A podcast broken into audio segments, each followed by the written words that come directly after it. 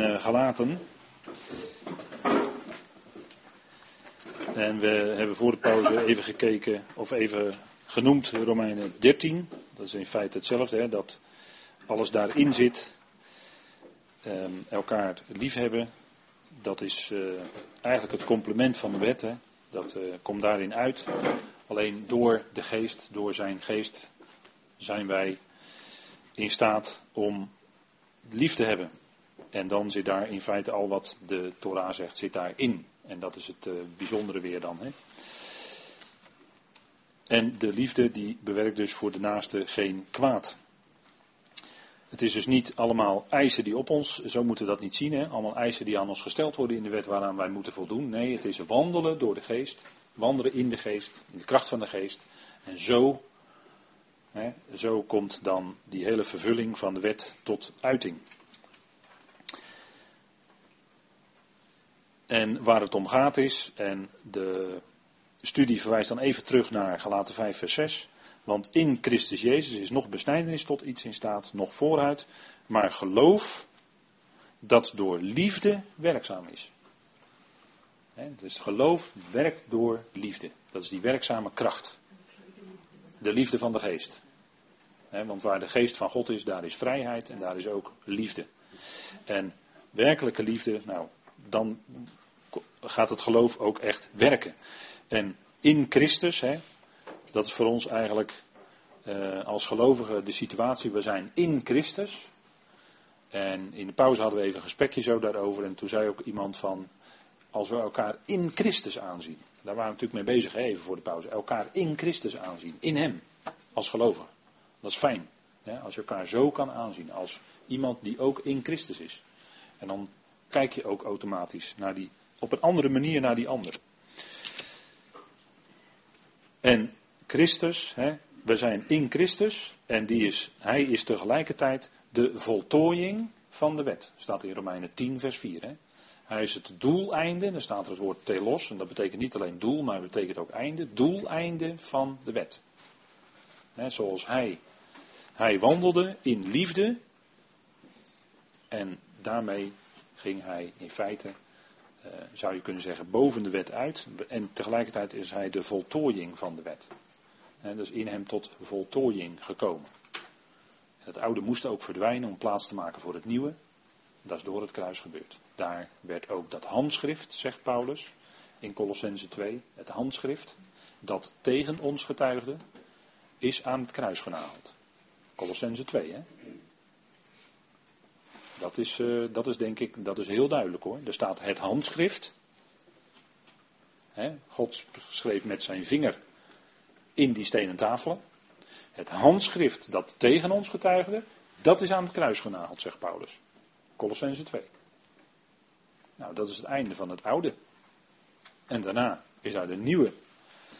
En ook de nieuwe wandel mogelijk. De nieuwe wandel onder en in de kracht van de geest. Onder de genade. En dat is heel iets anders dan onder de situatie van wet. En dat is wat bij die gelaten ook aan de hand was, hebben we gezien in vers 15. Als jullie elkaar echter bijten en vereten, kijk uit dat je niet door elkaar verteerd wordt. Hè? Of uh, ja, dat je niet door elkaar verteerd wordt. Dat bijtende. Mensen onder de wet zijn vaak van zichzelf erg rechtvaardig, want ze vinden dat zij het goed doen onder de wet en dan word je automatisch van jezelf rechtvaardig daar hebben mensen, dat was niet alleen bij de fariseeën zo, maar dat is vandaag de dag nog steeds zo. En mensen die van zichzelf rechtvaardig zijn, die zijn ook vaak heel strijdvaardig. Want die strijden dan voor recht en gerechtigheid. Begrijpt u? En die willen dan ook hun recht halen. Sommige christenen die gaan heel ver hoor daarin. Die gaan heel ver om hun eigen recht te halen voor, en desnoods naar de rechter hoor. En dan tot en met de Hoge Raad. Want, dat, want het was niet rechtvaardig wat hun overkwam. En het ijveren voor de wet, zegt uh, broeder Landersheim, maakt trots en egoïstisch. Het maakt ook trots, hè, want je wordt dan trots op dat jij aan de wet voldoet. Of dat jij uh, je aan de tien geboden hebt gehouden. Of dat jij elke zondag naar de kerk gaat of een dienst bezoekt of wat dan ook. dat maakt je trots. Daar word je dan op een gegeven moment trots op. Maar daar gaat het natuurlijk allemaal niet om. Hè? Het punt is dat, kijk, de wet zou eigenlijk tot bewogenheid en tot ontferming van die ander moeten leiden. Maar het ontbreekt aan de kracht. Want het is zwak door het vlees. En de kracht in ons, van de geest, die leidt ons juist wel tot innerlijke ontferming. Hè? We hebben het gelezen met elkaar, Filippenzen 2. Mededogen, dat wijst op het innerlijk, hè? op de ingewanden eigenlijk. Hè? Dat woord heeft te maken met de ingewanden. En die ingewanden, eh, daarvan sprak al in de offeranden het vet. Hè? Het vet moest geofferd worden. En dat zit op de ingewanden van het dier. En dat wijst eigenlijk in het type naar het innerlijk van God, het innerlijk mededogen, het innerlijk ontferming, barmhartigheid van God. En dat ook wij die dat mededogen kennen voor die ander, die bewogenheid, die we ook bij Christus zien, hè, bij Jezus zien, als hij onder zijn volk is, die bewogenheid voor die ander, die ontferming, als dat ook bij ons is, dan is dat door de geest gewerkt. Dat is niet van onszelf, maar dat is dan door de geest gewerkt. En dat is weer die vrucht van de geest. En dat is niet iets wat je kan bewerken, want het woord zegt het al, het is een vrucht. Die groeit. Is niet iets wat jij kan bewerken aan jezelf. Nou, Paulus zegt dan, wandelt in de geest en dan volbrengen jullie in geen geval de begeerte van het vlees. Dat is het geheim. Dat is als je bezighoudt met de dingen van de geest. Je richt op God.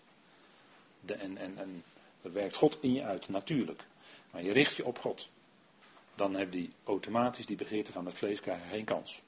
En ga je aandacht besteden aan het vlees, ja, dan krijgen die begeerte wel een kans. En dan ga je daar voeding aan geven misschien. En dan, ja, dan gaat het, eh, in het ergste geval gaat het je leven overheersen. Maar het is net waar je, waar je, waar je voeding aan geeft. Nou, het beste voedsel, daar zijn we vanavond mee bezig. En, en dat steeds tot je laten komen. En er zijn talloze fijne studies om te beluisteren, om te lezen. Uh, en het gaat er echt niet om, dat denken mensen wel eens, dat je dan ook heel diep moet gaan studeren in het Grieks en het Hebreeuws. Nou, troost u, je voeden met het woord, kan op allerlei manieren. En als je je voedt met de woorden van het geloof en van de ideale leer, dat kan gewoon door iets te lezen uit zijn woord. Of misschien is het die dagtekst die je s'morgens in je mailbox krijgt. Dat kan ook net dat woord zijn wat even je dag zet in de goede richting. En je dankt God ervoor. En zo ga je op weg met hem. Nou, dat, dat, is heel anders je dag beginnen met bij wijze van spreken allerlei nieuwsberichten. Waar meestal niet zoveel positiefs in, gemeld wordt. Maar als je even zo'n. Het is maar, misschien maar één tekst, even een gedachte. En dat neem je mee. En dat neemt je mee die dag in. Nou, dan, is, dan gaat je dag al. begint al anders. en, en, en zo dan die dag door. Met hem en door zijn woord. Ja. Wandelt in de geest. En eh, daarop richten geen aandacht besteden aan het vlees. Alvorens op dit vers nader in te gaan, dan wordt in vers 17, hè, worden we even herinnerd aan de feiten van vers 17. En dat is wat we, als het goed is, heel goed kennen uit ons leven. Want het vlees begeert tegen de geest, de geest echter tegen het vlees. En deze nu staan tegenover elkaar, opdat jullie niet dat doen wat jullie ook maar willen. Want als je aandacht gaat besteden aan het vlees, nou, dan gaat dat ook jouw wil beïnvloeden. En dan ga je, op een gegeven moment ga je in de lijn van het vlees staan, dan ga je ook willen wat het vlees wil en dan ga je daarin mee. En, en, en nou ja, Paulus die somt dan een, een rij hierop in vers 19 tot en met 21, met allerlei hele akelige dingen. Maar dat is als een mens meegaat met het vlees. En, en eh, Paulus noemt dit en hij noemt dit hier in een brief aan gelovigen. Dus dit kan onder gelovigen allemaal voorkomen. Kan allemaal voorkomen. En misschien moeten we wel zeggen, helaas, komt het ook voor onder gelovigen. Helaas, helaas. Maar dat is een uiting van wat, wat hierin gelaten staat. Hè? Het vlees begeert tegen de geest. Dus wat het vlees begeert gaat altijd tegen de geest in. En het geest tegen het vlees. Nou, en die, die kracht van de geest in ons, is eigenlijk groter dan die kracht van het vlees. En daarom kunnen wij ook leven. En is het wel degelijk zo dat wij kunnen leven tot zijn eer. Kan. Want die kracht van de geest is groter. Het is Gods geest. En God is vele, vele malen groter dan wij zijn. En vele malen veel, oneindig veel krachtiger dan wij zijn. Nou, die kracht van God is in ons. En door die kracht kunnen we dan ook leven. Daar is Paulus mee bezig. Hè? Het vlees begeert tegen de geest en de geest echter tegen het vlees. Dat is onveranderlijk. Dat zijn wetmatigheden. Dat ligt vast. Het werkt altijd zo. Voed je het een, dan zal het een sterker worden in je. En voed je het ander, dan wordt het ander eh, sterker in je. Dat is, dat is, eh, hè, iemand heeft het wel eens vergeleken met twee honden, een zwarte en een witte hond. En die zijn met elkaar in, gevecht. Nou, die zwarte hond is natuurlijk het vlees. Ga je die voeding geven, steeds maar, en die witte niet. Ja, op een gegeven moment gaat die zwarte hond gaat dat gevecht natuurlijk winnen van die witte. En andersom. Als jij dus die witte voeding geeft, dan gaat die het winnen van die zwarte hond. Nou, zo is het ook bij ons in, met die wetmatigheden. Geest en vlees. Wat je voedt, dat wordt sterker.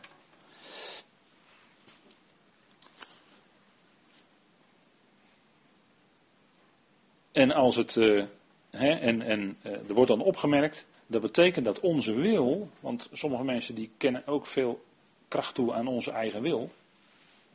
Alsof onze wil om te kiezen sterker is dan Gods wil. Nou, dat is helemaal niet zo natuurlijk. Onze wil is eigenlijk maar heel zwak. We laten ons vaak leiden door nou, geest of vlees. En, en dat willen wij dan. En dan denken we in, in, in, onze, in, onze, in onze leegheid van denken, dan denken wij dat wij zelf sterker willen hebben. Dat wij dat hebben gewild. Wel nee. Wel nee. Kijk, in Filippenzen 2, dat stukje hebben we gelezen, vers 1 tot en met 4. En dan duurt het ook niet lang dat Paulus zegt dat God het is die in ons werkt, zowel het willen als het werken. God die in ons werkt. Dus als wij iets kunnen willen in de goede richting, om het zo maar te zeggen, en werken, hè, werken van het geloof is dat dan, dan is dat te danken aan God in ons leven. Aan zijn kracht. En dan is het dus niet meer iets van onszelf. En dat, dat verootmoedigt ons ook tegelijkertijd. Hè? Steeds weer, en dat is voor sommige mensen misschien wel, eh, kan het misschien wel irriterend werken. Maar als we steeds wijzen op de kracht van de geest, op de kracht van God, dan is dat voor jezelf inderdaad verootmoedigend, ja. Want je gaat erkennen dat niet, jij, dat jij je doet, maar dat hij het doet in je leven. En het duurt soms ook voor gelovigen vrij lang voordat ze dat echt erkennen. Voordat de gelovige dat echt in diepte van het hart erkent. Dat je het niet zelf kan, maar dat hij het doet. En dat je dat ook merkt dat hij het doet. Maar dat je ook hem ook de eer ervoor geeft. En dat onze wil is zwak. En wanneer het aan ons zou liggen, zouden we inderdaad met het vlees de wet van de zonde als slaaf dienen. Zou blijken dat onze wil maar zwak is. En manipuleerbaar tot en met. En eh, dat we ons veel beter kunnen laten leiden door de geest. En we erkennen dat we samen met Christus gekruisigd en gestorven zijn. Dat is, eh, en hoe wandel je daarmee?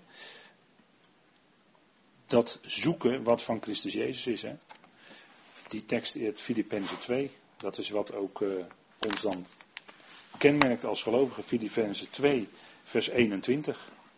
dat is ook een kenmerk dan van je wandel. En dan uh, hebben we een ander voorbeeld, dat was een Timotheus. Dat is ook zo'n voorbeeld wat ons voor ogen wordt gesteld. Als je het nou over een goed voorbeeld hebt. Hè. Wie is nou een goed voorbeeld in de Bijbel voor ons? Nou, Timotheus bijvoorbeeld. Dat is een heel goed voorbeeld. Wordt door Paulus hier aangehaald. En dan zegt hij.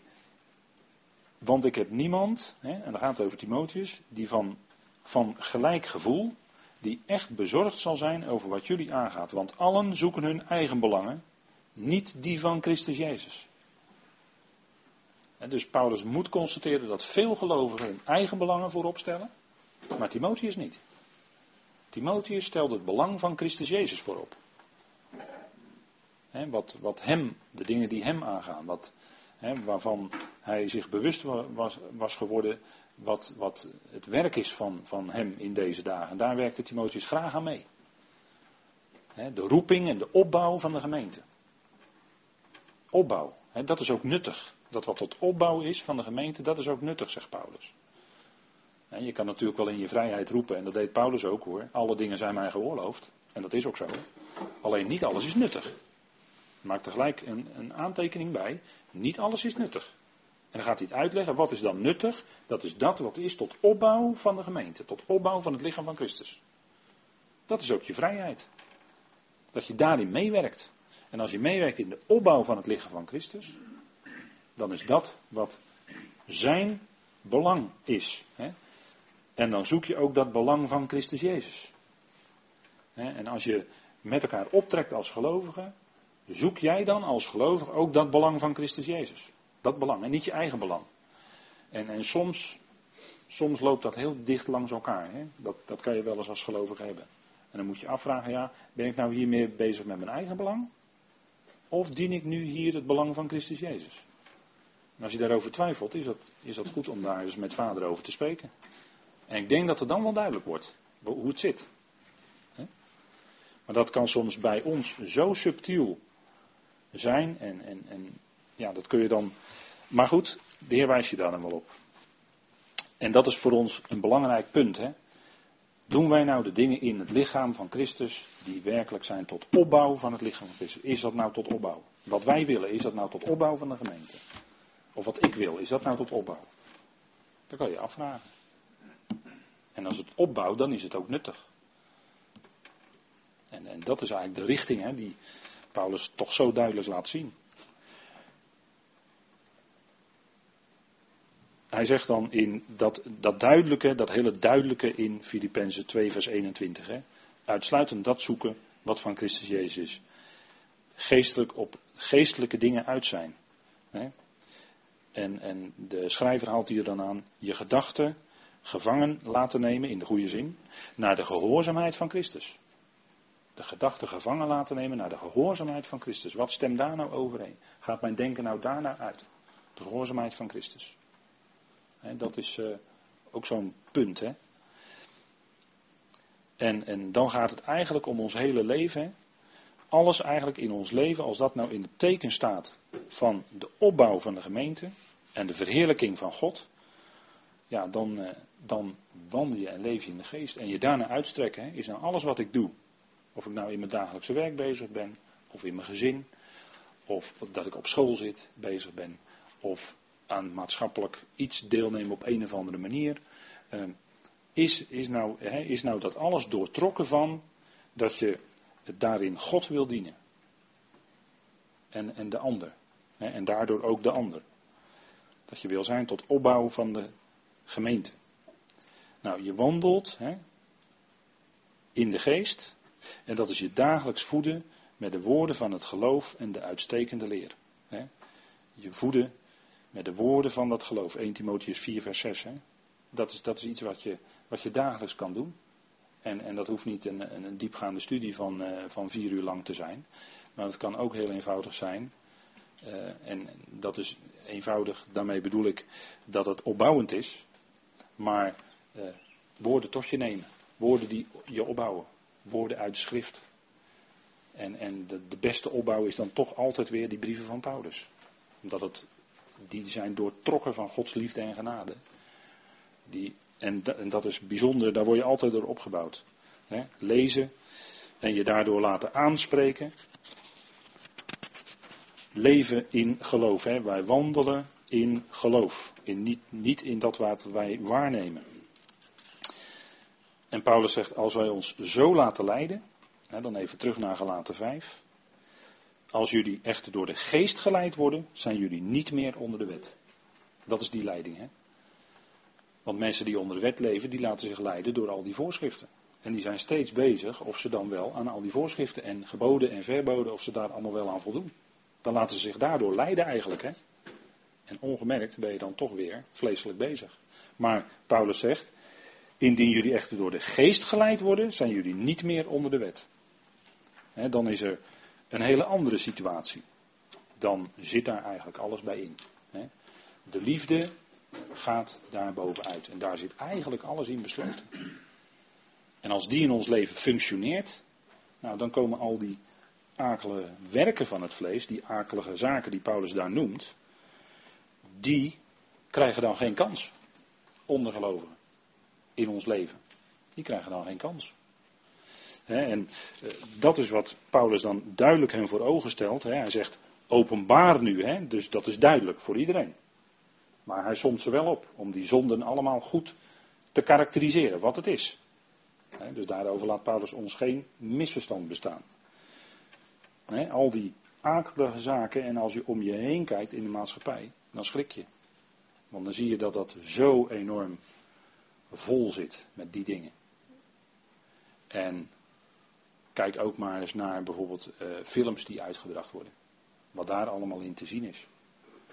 Nou, dat zijn deze, deze zaken hoor. Voor je het weet zitten deze zaken erin, aan alle kanten. En ehm, Paulus zegt, ja, dat zou als gelovige, hè, onder gelovigen, die werken van het vlees, ja, komt voor. En, en uh, soms eh, schrik je daar ook van hoor. Hij zegt nou, wat, wat zijn dan die werken van het vlees? Echtbreuk.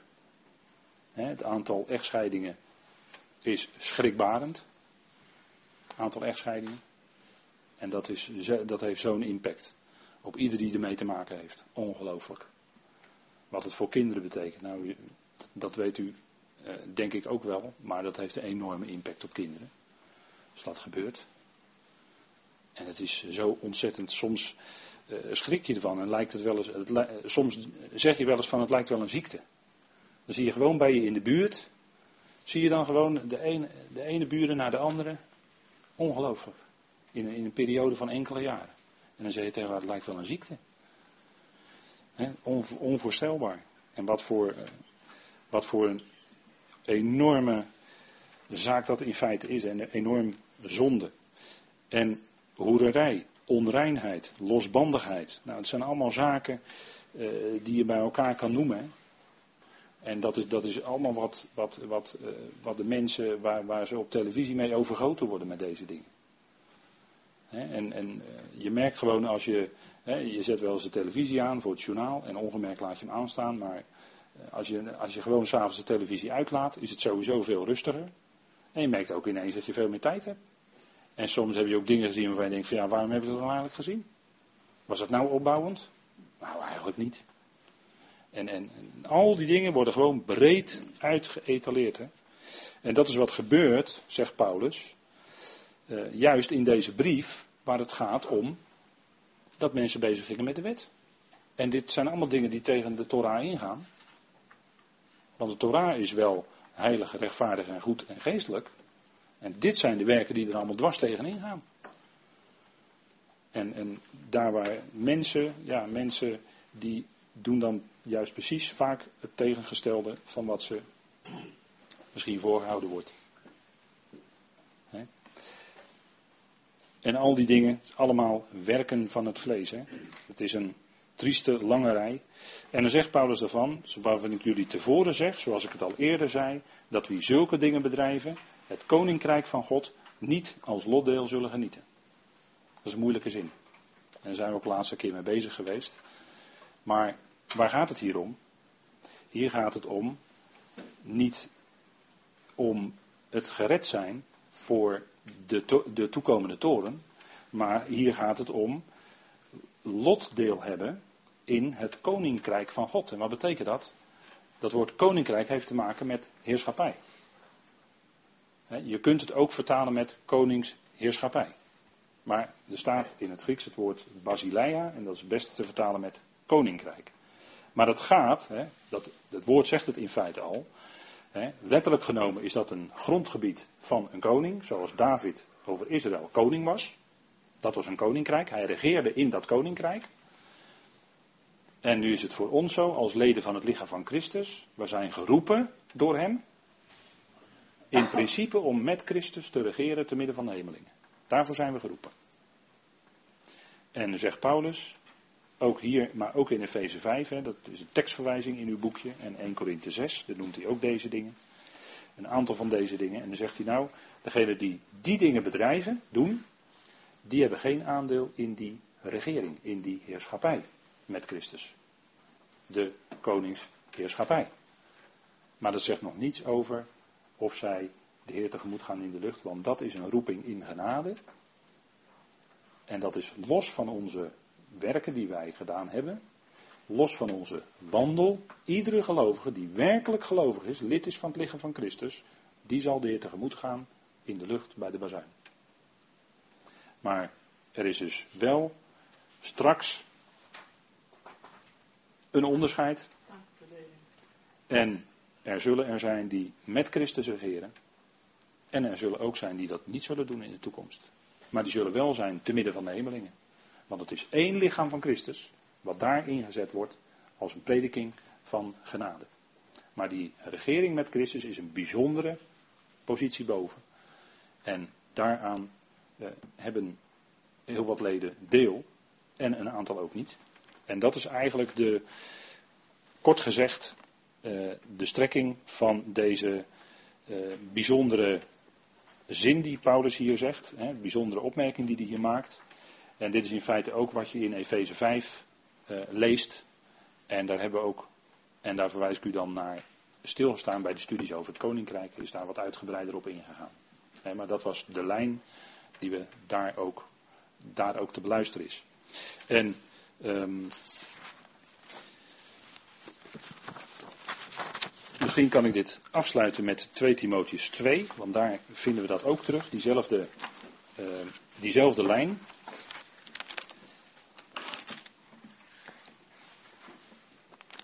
Twee Timotheus 2.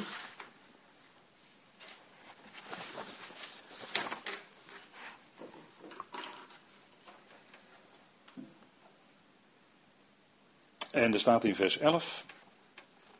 Betrouwbaar is het woord, want, wij, want indien wij gezamenlijk stierven, zullen wij ook gezamenlijk leven. En er staat er ook, indien wij volharden, zullen wij ook gezamenlijk heersen. Indien wij logenen, zal dat ook ons logenen. Indien wij ontrouw zijn, hij blijft trouw, zichzelf logenen kan hij niet. dus je ziet hier twee lijnen. De ene is, indien wij gezamenlijk stierven, zullen wij ook gezamenlijk leven. En de tweede lijn is, indien wij volharden in die wandel met Hem, in die trouw, in die volharding, ondanks verdrukking en lijden en alle moeite en noem maar op, zullen wij ook gezamenlijk heersen. Indien wij logenen, zal dat, hè, dat woord, ook ons logenen. En indien wij ontrouw zijn, en welke gelovige kan zeggen dat hij 100% trouw is? Welke gelovige kan het zeggen? Ik denk niemand. Maar hij blijft getrouw. Hij blijft trouw, want zichzelf logenen kan hij niet. Dus hij blijft trouw en hij zal dat woord vervullen dat het lichaam van Christus compleet bij hem zal zijn. Dat hele lichaam, elk lid. Bij de bazuin van God. Dat is zijn trouw. Dat is zijn genade. Ja, en dat en dat andere punt van dat gezamenlijk heersen, dat ligt dus anders. Hè? Dat, daar is uh, toch in diverse brieven, heeft Paulus daar iets over gezegd. Nou, ik denk dat we het hierbij moeten laten vanavond. En wij zullen dan gezamenlijk de Heer gaan danken.